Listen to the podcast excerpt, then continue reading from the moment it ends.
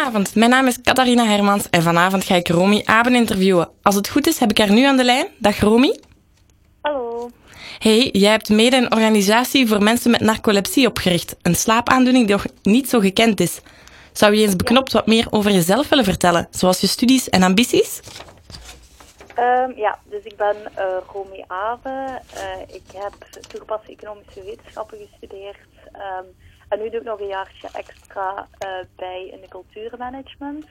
Ja. en mijn ambities zijn eigenlijk om ook te kunnen werken in de cultuursector. En dat ook een beetje te combineren met mijn vorige studies ook. Oké, okay, dat is enorm interessant. En um, vertel eens, wat houdt narcolepsie nu juist in? Uh, narcolepsie is eigenlijk een slaapziekte. Um, dus uh, iedereen heeft eigenlijk een slaap- en waakschakelaar in het brein zitten.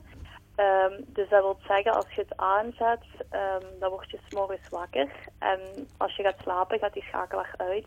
Maar bij mensen met narcolepsie werkt die minder goed. hierdoor zijn zij s'nachts, kunnen zij niet zo goed slapen. En overdag kunnen zij eigenlijk niet goed wakker blijven. Uh, die gaat ook samen gepaard met cataplexie en dat is een soort van uh, verzwakking van de spieren. Dus dat uit zich in de vorm van als uh, de persoon met narcolepsie heel veel emoties ervaart, dan kan die wegzakken. Dus dat kun je zien als bijvoorbeeld als je een beker vastzet. Ja. En je krijgt dan de spierverzwakking, dan kan die de beker laten vallen of die kan vallen op de grond. Oké, okay, dat is heel lastig. Ja. ja, dat is inderdaad wel heel lastig, ja. En uh, kan je mij vertellen hoeveel mensen ongeveer lijden aan deze ziekte? Um, ik heb ergens gelezen dat tussen de 1 à 2 personen op 100.000 personen per jaar het uh, kunnen hebben. Ja. Hier in België. Oké, okay, dat is niet zo heel veel. En um, hoe ja. zouden we meer rekening kunnen houden met deze personen? Um, vooral in de zin van als zij wegvallen, dus als zij bijvoorbeeld een spierverzwakking dus hebben, uh, vooral rustig blijven en die persoon rustig laten bijkomen. Uh, vooral niet panisch worden, want dat heeft ook invloed op hun eigenlijk. Dus als jij ook heel felle emoties hebt, dan kan dat ook doorvloeien uh, naar hun toe. En dan kunnen zij, ja, dan kan het nog erger worden dat zij wegvallen. Dus vooral rustig blijven en niet te enthousiast zijn of niet te boos doen. Oké, okay, een beetje kalm blijven dus. Ja, en hoe ben je... Ja. ja, Dank u. En hoe ben je er voor het eerst mee in aanraking gekomen? Want zelf heb je de ziekte niet, hè? Nee, ik heb de ziekte zelf niet. Uh, maar ik ben al heel lang bevriend met een, meisje. Um, echt al, we kennen elkaar van de kleuterklas. En zij heeft dat sinds haar vijftiende levensjaar, denk ik, zoiets gekregen. En ik ben daar een beetje mee ja, ingegroeid, hoe het is begonnen en hoe ze ermee om is kunnen gaan. En ja, dat, verhaal van haar heeft mij ook vooral heel hard geboeid. En uh, ja, dat is eigenlijk een beetje. Ja, en waarom is de Vereniging voor Narcolepsie juist opgericht?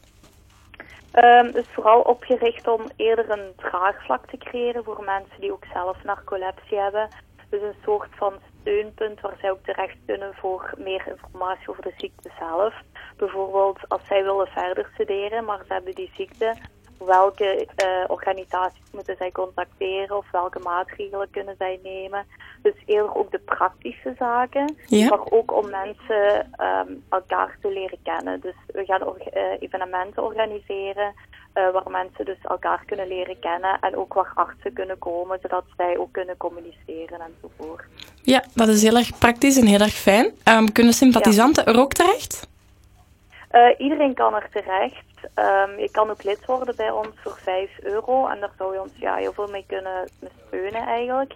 Ja. Um, en het is ook gewoon interessant om te weten wat de ziekte inhoudt. En het is ja, nog niet bekend echt. Dus ja, het is gewoon ook wel boeiend voor iedereen om um, eventueel erbij te komen.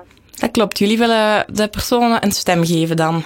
Ja. Ja, eigenlijk wel. Ja, absoluut. Jij bent en een van de... Bij de... Ja.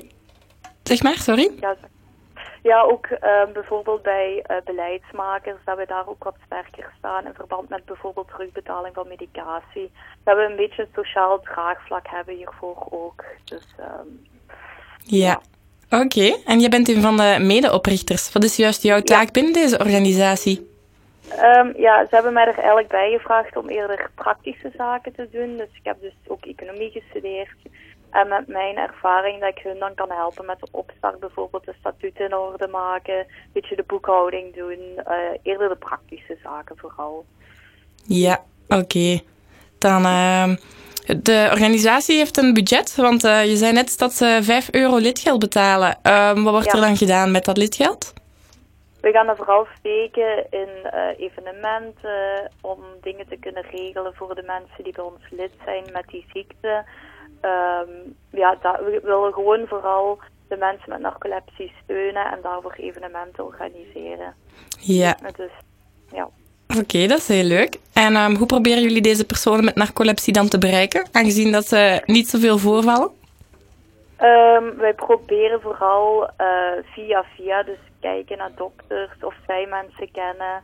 Um, zelf gaan Lorien en Caroline, nog andere van de VZW, ook naar evenementen die georganiseerd worden. Bijvoorbeeld in Wallonië heb je een, een organisatie die zich daarmee bezighoudt, maar ook in Nederland. Ja. Um, en daar proberen we ook zo aan naartoe te gaan. En vooral via Facebook en kranten proberen wij uh, mensen te bereiken. Oké, okay, dat is heel leuk. En uh, wat voor activiteiten organiseren jullie zoal? Um, we hebben voorlopig uh, nog geen activiteit georganiseerd, maar we hebben binnenkort wel een startdag, omdat we nog pas nieuw zijn. Um, dat is op 10 november in het Gallo-Romeins Museum in Tongeren.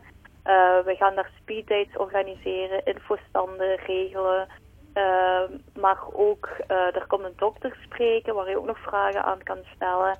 En mensen kunnen ook het museum bezoeken. Er is nu momenteel een tentoonstelling over Stonehenge.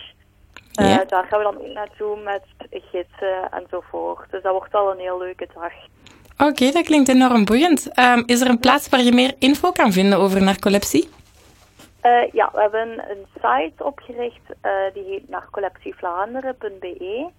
Uh, en daar kan je terecht voor meer inform informatie over de ziekte, maar ook praktische zaken en ook meer informatie over andere sites waar je terecht kan en over ons evenement zelf nog op 10 november. Oké, okay, dankjewel voor dit enorm interessante interview. Samengevat biedt de organisatie dus een stem uh, voor mensen met narcolepsie en dat is zowel ja. praktisch als qua steun enorm fijn. Ja. Dankjewel voor dit boeiend gesprek, Romy. Dag. Ja, dankjewel. Goed. Dag. Hè.